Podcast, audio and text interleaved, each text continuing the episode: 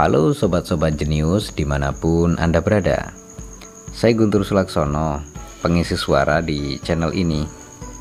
Saya sebenarnya lebih aktif untuk update buku-buku terbaru melalui channel youtube saya Namanya Baca Buku. Jadi buat teman-teman yang mau menyapa saya secara langsung Atau mau request buku-buku yang ingin dibacakan, teman-teman bisa mengunjungi channel YouTube saya, namanya Baca Buku. Teman-teman bisa mengajukan request buku-buku yang ingin dibacakan atau sekedar say hello. Jadi oke okay ya teman-teman semuanya, selamat mendengarkan program audiobook Indonesia.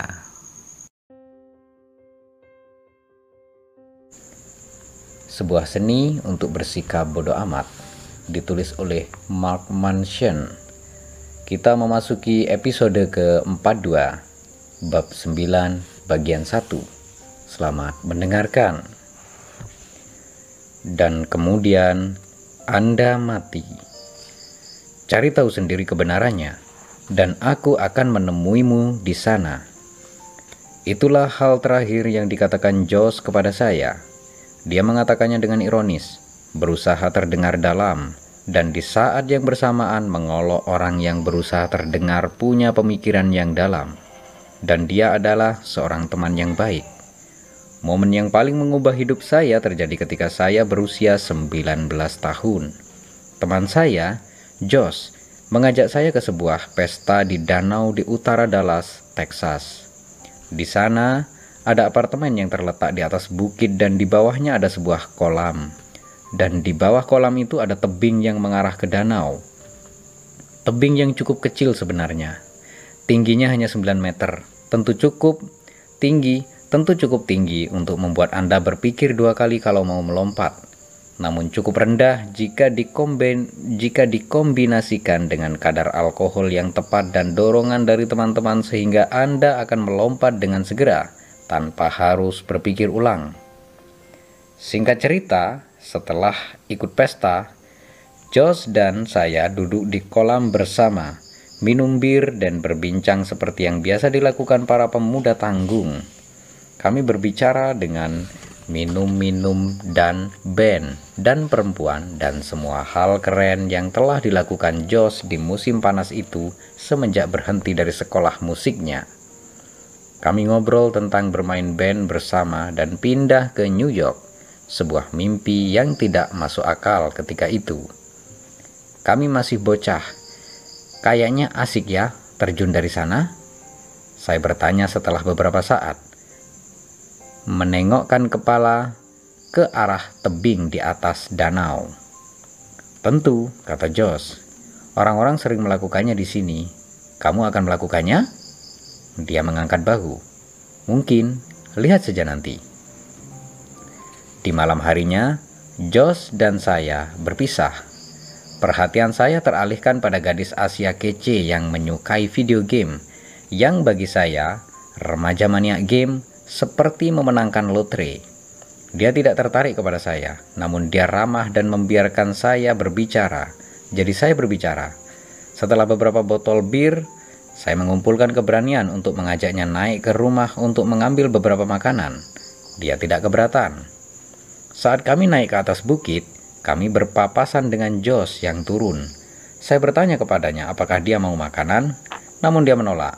Saya bertanya kepadanya di mana saya bisa menemuinya setelah ini. Dia tersenyum dan berkata, "Cari tahu sendiri kebenarannya. Aku akan menemuimu di sana." Saya mengangguk dan memasang wajah serius. Baiklah, aku akan menemuimu di sana. Jawab saya, seakan setiap orang tahu persis di mana kebenaran itu dan bagaimana cara mendapatkannya. Josh tertawa dan berjalan menuruni bukit menuju tebing. Saya tertawa dan berjalan menaiki bukit menuju rumah. Saya tidak ingat berapa lama berada di dalam rumah.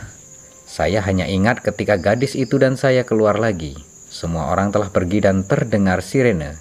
Kolam sudah kosong Orang-orang berlarian menuruni bukit menuju tepi air di bawah tebing. Beberapa sudah di dalam air. Saya menangkap beberapa sosok laki-laki berenang di sekitar danau. Saat itu gelap, dan sulit melihat dengan jelas. Musik berdentum, tetapi tidak ada yang mendengarkan. Masih belum mengerti sepenuhnya, saya bergegas turun ke tepi air, menikmati sandwich saya. Penasaran apa yang sedang dilihat semua orang, separuh jalan turun, gadis Asia yang cantik itu berkata kepada saya, Rasanya baru saja terjadi sesuatu yang menakutkan. Saat saya sampai di kaki bukit, saya bertanya kepada seseorang di mana Jos. Tidak seorang pun yang menoleh ke arah saya atau menyadari kehadiran saya. Semua orang memandangi air. Saya bertanya sekali lagi, dan seorang gadis mulai menangis histeris. Barulah saya mengerti sepenuhnya. Perlu waktu tiga jam bagi para penyelam untuk menemukan jasad Jos di dasar danau. Hasil otopsi mengatakan kalau kakinya mengalami kram karena dehidrasi akibat alkohol, ditambah dampak dari terjun dari atas tebing. Di luar sangat gelap ketika dia melompat. Airnya tidak terlihat. Hitam, hanya hitam. Tidak ada seorang pun yang dapat melihat arah teriakannya ketika dia minta tolong. Hanya suara sesuatu terjatuh ke dalam air. Hanya suara itu.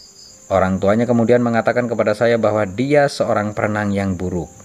Saya sama sekali tidak tahu.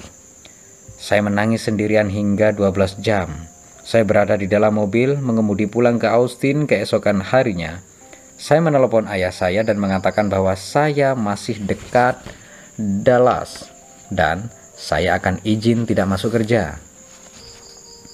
Saya bekerja dengannya di musim panas itu.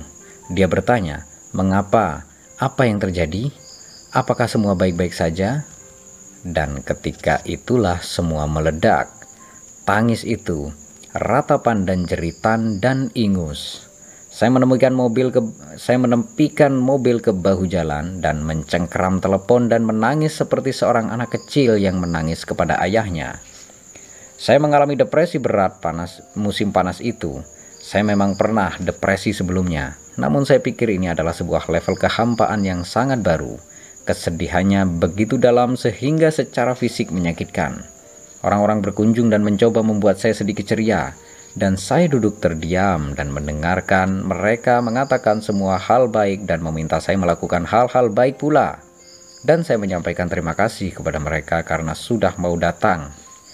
Dan saya membuat senyum palsu dan berbohong dan mengatakan bahwa sekarang sudah terasa lebih baik. Namun itu, namun di balik itu saya tidak bisa merasakan apa pun.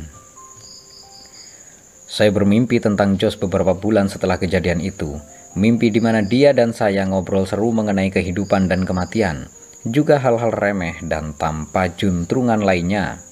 Pada titik itu, dalam kehidupan saya, saya hanya anak yang suka teler dari keluarga kelas menengah. Malas, tidak bertanggung jawab, susah bergaul dan merasa tidak aman. Jos, dalam banyak hal, menjadi seseorang yang saya idolakan dia lebih tua, lebih percaya diri, lebih berpengalaman dan lebih menerima serta terbuka terhadap dunia di sekitarnya. Dalam satu mimpi terakhir saya tentang Jos, saya duduk dalam sebuah jacuzzi dengannya. Ya, saya tahu ini aneh dan saya mengatakan sesuatu seperti, Aku sungguh minta maaf atas kepergianmu. Dia tertawa. Saya tidak ingat persis apa kata-katanya. Tapi dia mengatakan sesuatu seperti, Kenapa kamu menatapi Kenapa kamu meratapi kematian saya, sementara kamu begitu takut hidup? Saya terbangun, menangis. Saya sedang duduk di sofa ibu saya di musim panas itu, menatap suatu lorong gelap, memandangi kehampaan yang tak berujung dan tak terpahami di mana persahabatan saya dan Jos dulu adalah di sana.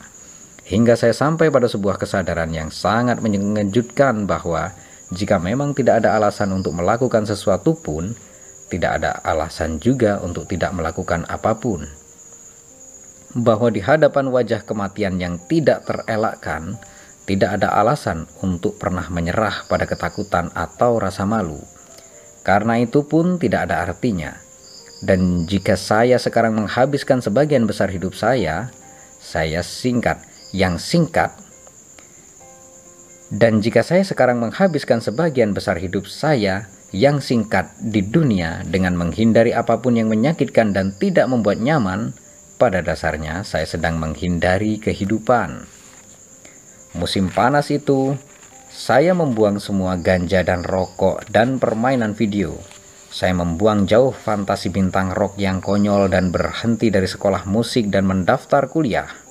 Saya mulai rutin ke tempat kebugaran dan menurunkan berat badan. Saya berteman dengan orang-orang baru. Saya mempunyai pacar pertama saya. Untuk pertama kalinya dalam hidup saya, saya benar-benar belajar di dalam kelas membuat saya sadar bahwa saya bisa mendapatkan nilai yang bagus kalau saya berusaha. Musim panas berikutnya, saya menantang diri saya untuk membaca 50 buku non-fiksi dalam waktu 50 hari dan saya menuntaskannya. Tahun berikutnya, saya pindah ke universitas terkemuka di tempat lain, di mana saya tampil gemilang untuk pertama kalinya, baik secara akademik maupun sosial. Kematian Josh menandai secara jelas tonggak perubahan identitas yang saya mulai. Pra tragedi saya adalah orang yang terkungkung, tidak punya ambisi, selalu terobsesi, dan dibatasi oleh apa yang dalam imajinasi saya terpikirkan dunia tentang saya. Yang dalam imajinasi saya dipikirkan dunia tentang saya. Pasca tragedi, saya berubah menjadi pribadi yang baru, bertanggung jawab, ingin tahu, pekerja keras. Saya masih memiliki rasa tidak aman dan beban masa lalu saya, seperti kita semua. Namun sekarang saya hanya peduli sesuatu yang lebih penting ketimbang rasa tidak aman dan beban masa lalu saya tersebut. Dan itulah awal semua perubahan. Anehnya, kematian seseoranglah yang pada akhirnya memberi saya alasan untuk hidup dan mungkin momen terburuk dalam hidup saya adalah juga momen yang paling mengubah hidup saya. Kematian membuat kita takut, dan karena menakutkan, kita menghindar untuk memikirkannya, membicarakannya, kadang bahkan mengakuinya. Bahkan ketika itu terjadi pada seseorang yang dekat dengan kita. Namun dengan cara yang aneh, berlawanan, kematian menjadi sebuah cahaya yang mampu menerangi bayangan makna-makna kehidupan tanpa kematian, semua terasa tidak penting. Semua pengalaman, semua ukuran dan nilai-nilai tiba-tiba menjadi nol. Terima kasih dan bersambung ke episode 43 bab 9 bagian 2.